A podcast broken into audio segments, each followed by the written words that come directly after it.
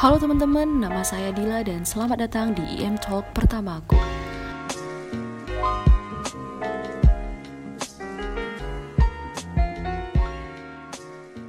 Sebelum mulai lebih lanjut, pasti ada yang namanya PDKT. Kalau kalian mau deketin orang, pasti ada PDKT dulu. Jadi izinkan aku untuk introduce myself. Nama lengkapku Dalilah Razan Samhana baru aja nyelesain program magister di salah satu kampus swasta yang ada di Yogyakarta. Terdengar keren tapi percayalah orang S2 tuh udah banyak banget di era-era sekarang. Cielah. Sesuai nama podcast ini, yaps, IM Talk, di mana jam 12 malam ke atas nih, jam 12 malam ke atas, jam 1, jam 2, jam 3, itu tuh waktu rawan orang untuk nginget-nginget tentang masa lalu. Gak cuma masa lalu, mungkin dia lagi pengen punya waktu sendiri terus mikirin masa depan mikirin urusan cinta urusan hati urusan kerjaan pertemanan dan mungkin banyak lagi yang pernah udah mereka laluin gitu. Sekarang jam tar sekarang jam berapa nih? Oke sekarang jam 0021 podcast ini dibuat. Aku habis minum es cincau karena Surabaya lagi panas ya nggak tahu sih mungkin orang lain nggak. Cuma mungkin karena aku belum mandi jorok ya udahlah bodoh amat. Nggak peduli kalian juga nggak cuman bodoh bodoh bodoh ya bodoh amat. Um, oh ini ada yang paling penting juga yang harus kalian dengerin. Aku lagi suka banget nggak tahu kenapa lagunya Jikustik saat kau tak di sini. Cia. Saat kau tak ada atau kau tak di sini terpenjara sepi. Ku nikmati sendiri. Nggak tahu kenapa kalau malam-malam dengar lagu ini tuh jadi kayak galaunya tuh maks maks maks maks maks. Kata orang bucin mungkin udah cinta atau dibilang baper kebawa perasaan ya nggak? Dulu kan zaman zamannya nggak ada kata-kata baper sekarang apa apa baper baper. Anyway back to the topic. Kali ini aku lagi pengen ngomongin tentang tingkat pencapaian seseorang ada di titik mana sih orang itu ngerasa puas dengan apa yang mereka capai? Coba kalian dengerin ada di titik mana kalian puas dengan apa yang mereka eh, apa yang mereka capai? Apa yang kalian capai maksudnya? Jadi gini aku itu sempet nanya-nanya ke beberapa temanku.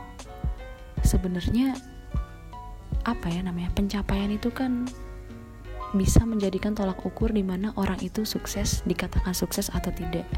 Cuma orang dikatakan sukses atau tidak itu berdasarkan apa sih? Kan tolak ukurnya beda-beda gitu kan. Ada yang mungkin punya mobil baru dibilang sukses, ada yang mungkin punya rumah baru, atau mungkin sesederhana mungkin orang punya handphone baru tuh udah dikatain sukses gitu kita nggak pernah tahu apa tolak ukur dari sukses itu.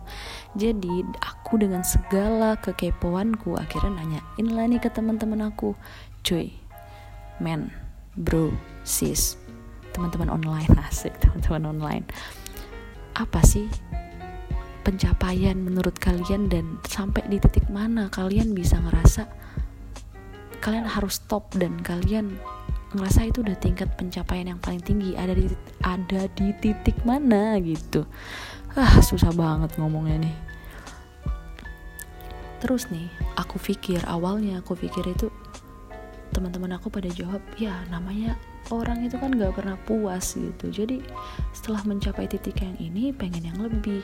Kayak ini aja deh pemasukan orang ke 5 juta pengennya setiap bulan paling gak beli baju 10 juta setiap bulan pengennya beli gadget 20 juta setiap bulan kredit ini 50 juta setiap bulan kredit ini. Jadi semakin besar pemasukan bakal semakin besar juga keinginan gitu. Nah ternyata nih ternyata aku baru tahu gitu.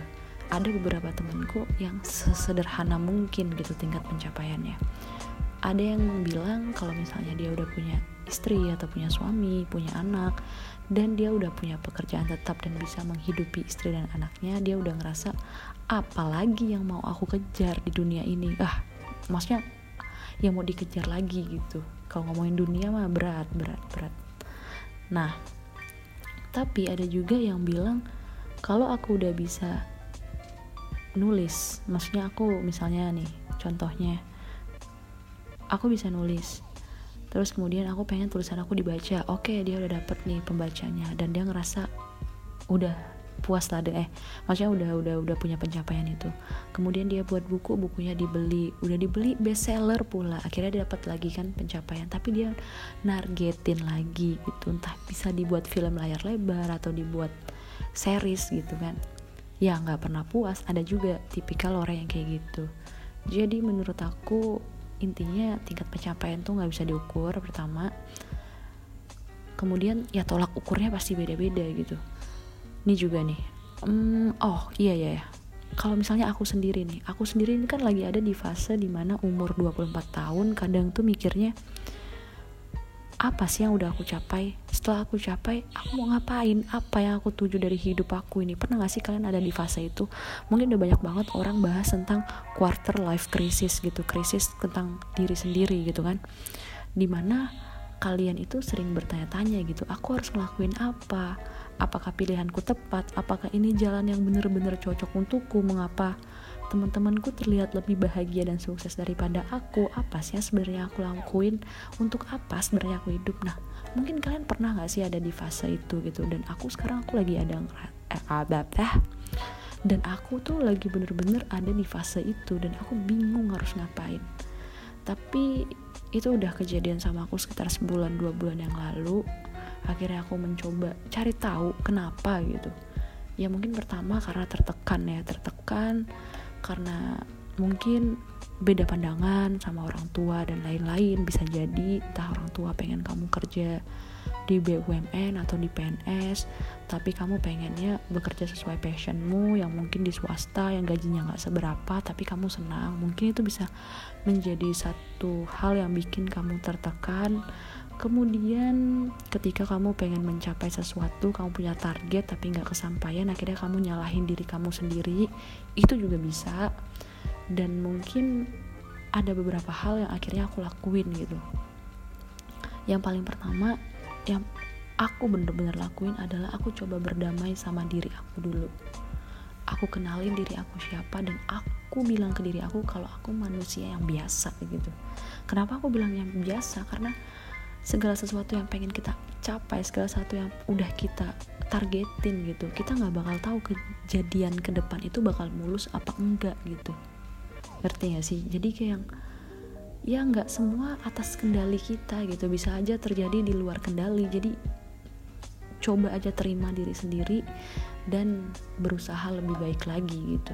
Terus yang kedua uh, yang paling sering banget aku hindarin itu adalah sosmed. Karena kalau aku buka sosmed aku tuh bisa ngeliat kayak temen aku update kerjaan. Wah kayaknya kerjaan dia asik banget ya.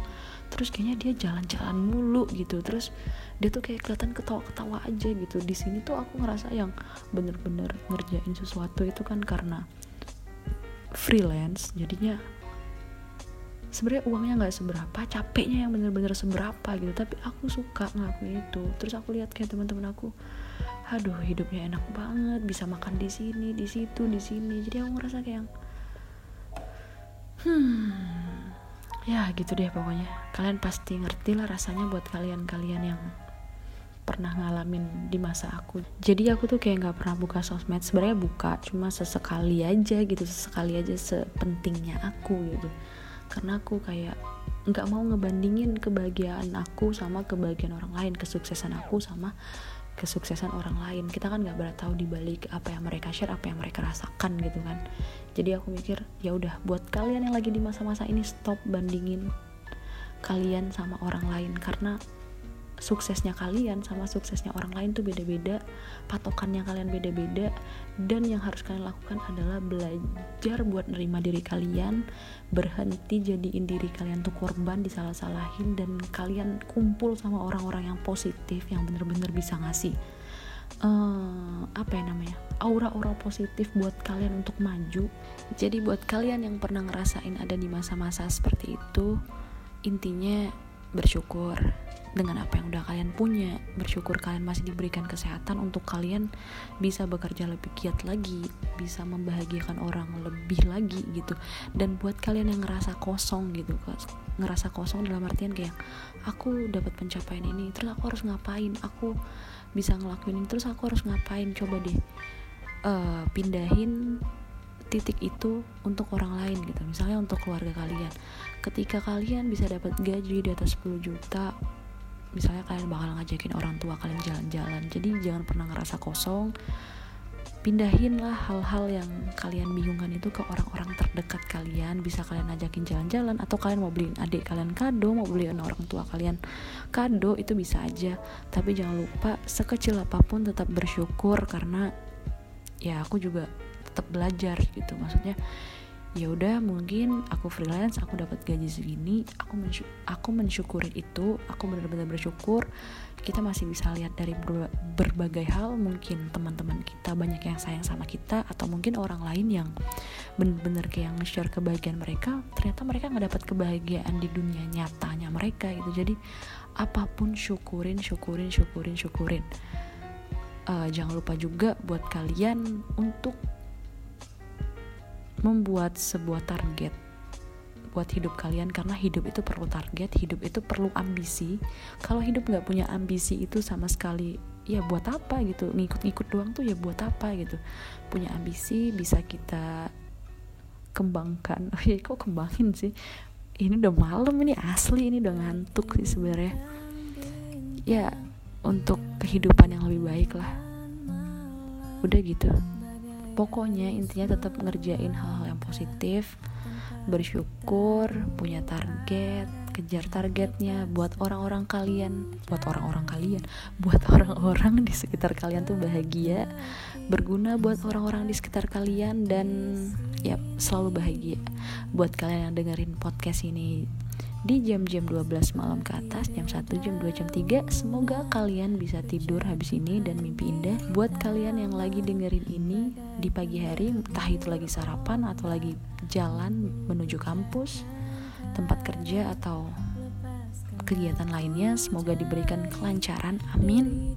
Dan makasih buat kalian yang udah dengerin podcast pertama aku. Banyak banget masih kekurangannya. Semoga bisa diambil positif positifnya dan Sampai jumpa di podcast selanjutnya. Bye bye. Kota di sini terpenjara sepi,